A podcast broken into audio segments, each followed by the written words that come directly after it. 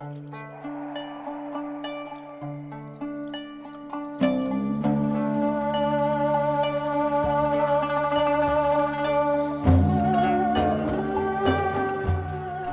عالي كلمة الله وكلمة الحق ودين الإسلام في كل أنحاء العالم. واشرح صدورنا وصدور عبادك في كل أنحاء العالم إلى الإيمان والإسلام والإحسان والقرآن وإلى خدمتنا.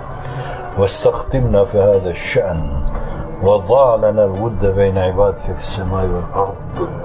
واجعلنا من عبادك المخلصين المخلصين المتقين الورعين الزاهدين المقربين الراضين المرضين الصافين المحبين المحبوبين. واجعلنا علماء حلماء سلماء أواهين أوابين منيبين متواضعين خاشعين متخلق بأخلاق القرآن.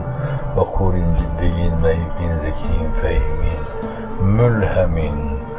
وصلى الله على سيدنا محمد وآله وصحبه.